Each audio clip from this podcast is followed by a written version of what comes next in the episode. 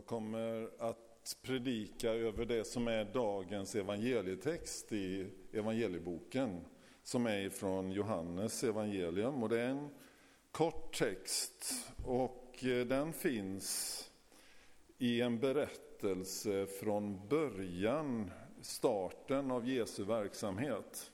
Jesus han har just kallat lärjungarna, han har varit med på ett bröllop där han har utfört sitt första stora underverk när 600 liter vatten förvandlades till ett välsmakande vin.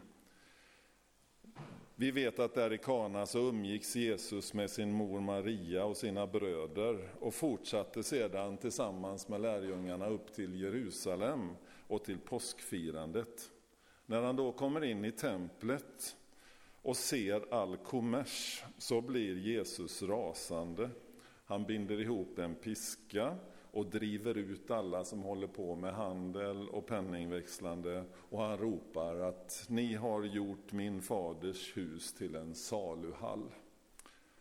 Efteråt så kommer de som känner skriften och frågar honom vilken grund har du för ditt handlande och för dina ord?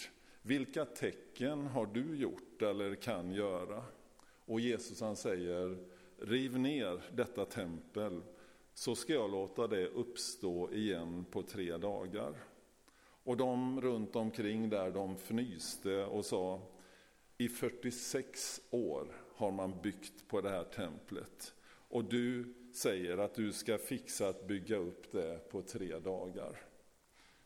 Efter en kort förklaring om att Jesus talade om sig själv så kommer då vår text in och den ska nu Peter läsa.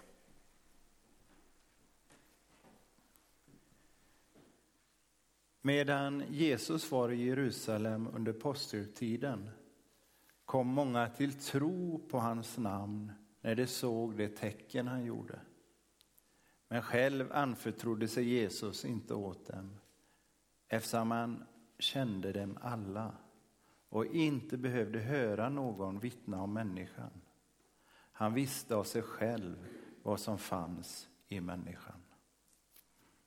Lyder det heliga evangeliet. Lovad vare du, Kristus. Lyssnade ni på Vinter i P1? Jag tycker det har varit väldigt bra i år. För I, jag tror det var i måndags eller tisdags så var det Marika Karlsson som hade Vinter i P1. Hon berättade om sitt sockerberoende. Hur hon i åratal har kämpat mot detta hur hon har ljugit för sig själv och handlat mot det som hon visste var rätt. Och hon har låtit begäret styra sitt liv. I hennes fall så var det socker. För andra så är det spel, det kan vara droger eller varför inte maktbegär. För den som låter begäret och missbruket styra så ligger lögnen alltid nära till hans. Man ljuger för sig själv och för andra. Marika sa att det var först när hon vågade se och säga sanningen om sig själv som det blev möjligt att bemästra begäret och missbruket. Sanningen gjorde henne trovärdig för andra och för sig själv. Evangelieberättelsen som vi lyssnade till och som jag relaterat sammanhanget för handlar också om sanning och om trovärdighet. Det handlar om att det man gör och säger ska höra ihop. Då, när Jesus finns där i det här sammanhanget, så är ordningen som en profet inom judendomen hade att förhålla sig till sådan som redan Mose hade formulerat 1500 år tidigare. Och vi har det i femte Mosebok där det står att om en profet talar i Herrens namn och hans ord inte slår in, då kommer budskapet inte från Gud, utan då är det profetens egna påfund. Det ska finnas ett samband mellan det man säger, det man gör det man säger och i vems namn man säger det. Det är utifrån detta som judarna frågar Jesus om i vems namn han talar och handlar. Gör han det på någons uppdrag? Är han en profet eller är han en upprorsmakare? Är det på Guds kallelse eller är det på någon politisk befrielserörelses vägnar? Jesus han låter sig dock inte provoceras att övertyga med ord om i vems namn han talar, utan han låter handlingarna tala. För han vet att även de som ifrågasätter honom känner igen Guds handlande. Och mycket riktigt, bara några dagar senare så kommer Nikodemus en natt till Jesus. Nikodemus, som ni vet, var högt uppsatt och respekterad bland de styrande och han säger Vi vet att det är från Gud du kommer som lärare för ingen kan göra sådana tecken som du utan att Gud är med honom. De visste, för de hade sett att ord och handling hörde samman. Jesus var trovärdig, vilket gjorde honom till farlig för makten eftersom trovärdighet ju utmanar makten och utmanar också lögn och ondska. Det där gäller också dig och mig. Det är genom att vara trovärdiga vittnen om Kristus som vi kan utmana samtidens lögner. Som trovärdiga vittnen kan vi vara med och utbreda Gudsriket på jorden. Vi kan utmana ondskans hegemoni. Trovärdighet uppstår där ord och handling hör ihop där bekännelse och handling hör ihop. Ni som är i min ålder minns kanske sånggruppen Tvärs. Av någon anledning så fastnade en rad i mitt bakhuvud som jag ganska många gånger har återkommit till. En 70-talslåt, för det var i slutet på 70-talet som de var stora i kyrkan. Och de sjöng vad hjälper det om du säger du tror, om ditt liv slår ihjäl dina ord? Vad hjälper det om du säger du tror, om ditt liv slår ihjäl dina ord? Det är en textrad som är direkt kopplad till Jesu etiska undervisning, som han ju bland annat uttrycker i orden Ett nytt bud ger jag er, att ni ska älska varandra. Som jag har älskat er ska ni också älska varandra. Då ska alla förstå att ni är mina lärjungar. Då när ni låter ord och handling, bekännelse och tro höra ihop. Någon annan, Jesus han säger ju också älska din nästa som dig själv. Någon har travesterat det och sagt, det gäller att möta sin medmänniska i ögonhöjd också när hon ligger ner. Att vittna trovärdigt om sin tro på Kristus i sitt sätt att leva, det kan väl vara en bra målsättning för året som just börjat. Och jag och säkert alla ni anser förstås att det alltid bör vara en kristen människas tanke att man ska låta ord och handling höra ihop. Men vi lever faktiskt i en tid där kristen tro används för att motivera våld och krig. Som i Ukraina, där Putin och det ryska ledarskapet menar sig kämpa mot antikrist när man utmanar västvärlden och begår terrorhandlingar mot den ukrainska befolkningen. Man säger sig vilja upprätta ett gudsrike på jorden men i själva verket så handlar man ju med maktbegär som utgångspunkt och maktmissbruk som medel. Och sanningen, den försöker man dölja. Både för det ryska folket, för sig själva och, och för världen.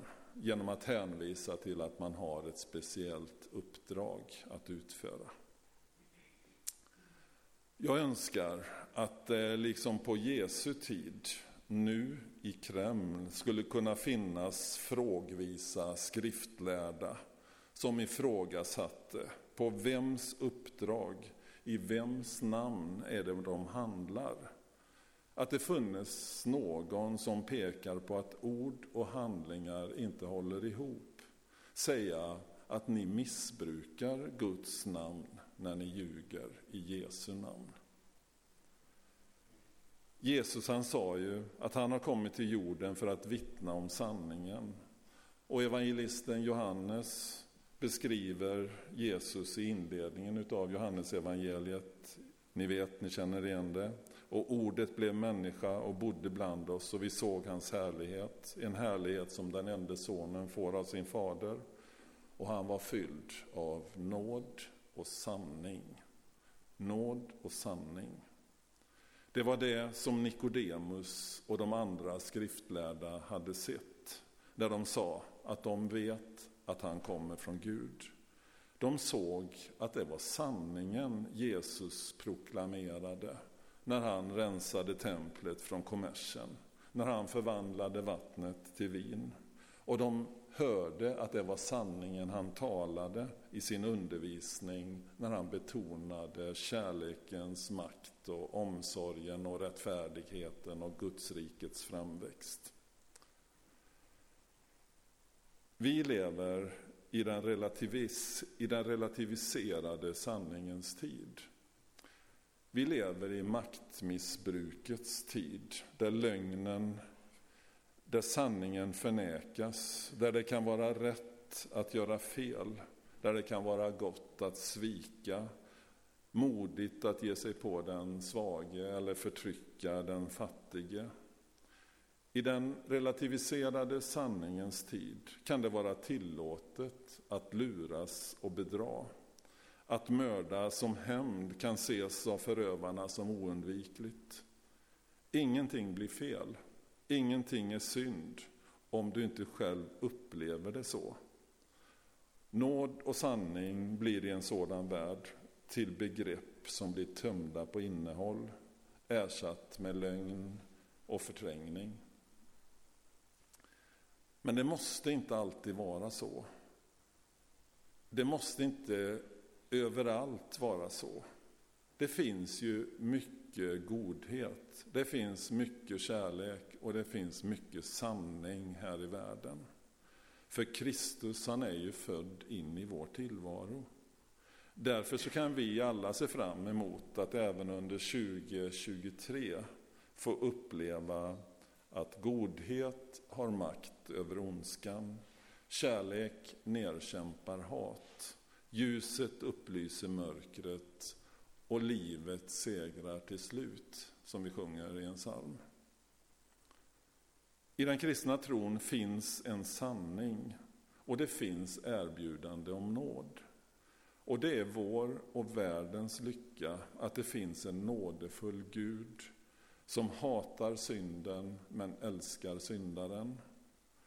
Och när vi vill barmhärtighet, när vi vill nåd, när vi vill sanning och kärlek och uttrycker vår vilja genom att låta Jesus vara vår Herre och Mästare, när vi låter hans namn lysa i våra liv, när vi låter bönen och lovsången till Gud vara vårt livs soundtrack, när vi låter vår tro synas i mötet med medmänniskan, då kan vi få uppleva att Guds nåd och sanning ger vårt liv mening. Likväl som att maktmissbrukarna i vår värld då kan väckas till medvetande om sitt missbruk och se sitt behov av sanning. Till sist, jag vet inte om ni följer Oxford Dictionaries ut utgåva utav Årets ord. Det gör man varje år, brukar det komma ett sånt här Årets ord. I år var det Goblin Mod och jag tänker inte gå in på vad det betyder. Men för 2016 så var det ju Post-Truth. Post-truth, alltså efter sanningen. Man menar att det året kännetecknades av att vi levde efter sanningen. Och jag tänker att så här på årets första dag så kan det vara tid att göra en första nominering till 2023 års Word of the Year, alltså årets ord. Och mitt förslag, det skulle då vara sanning.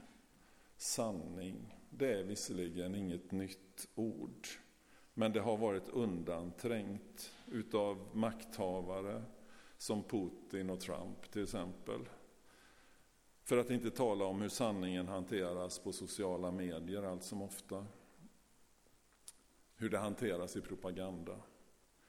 Låt oss hoppas att sanning kommer till heders igen. Låt oss hoppas och be för en återkomst för honom som kallar sig själv för vägen, sanningen och livet. Då kommer 2023 att i historiens ljus komma att betraktas som ett bra år. Ett år i Jesu namn, ett nådens år ifrån Herren. Amen. Vi ber. Tack Herre för att vi får tro att du bryr dig om oss. Tack för att vi får se fram emot det år som kommer. Vi ber att du kommer till oss Amen.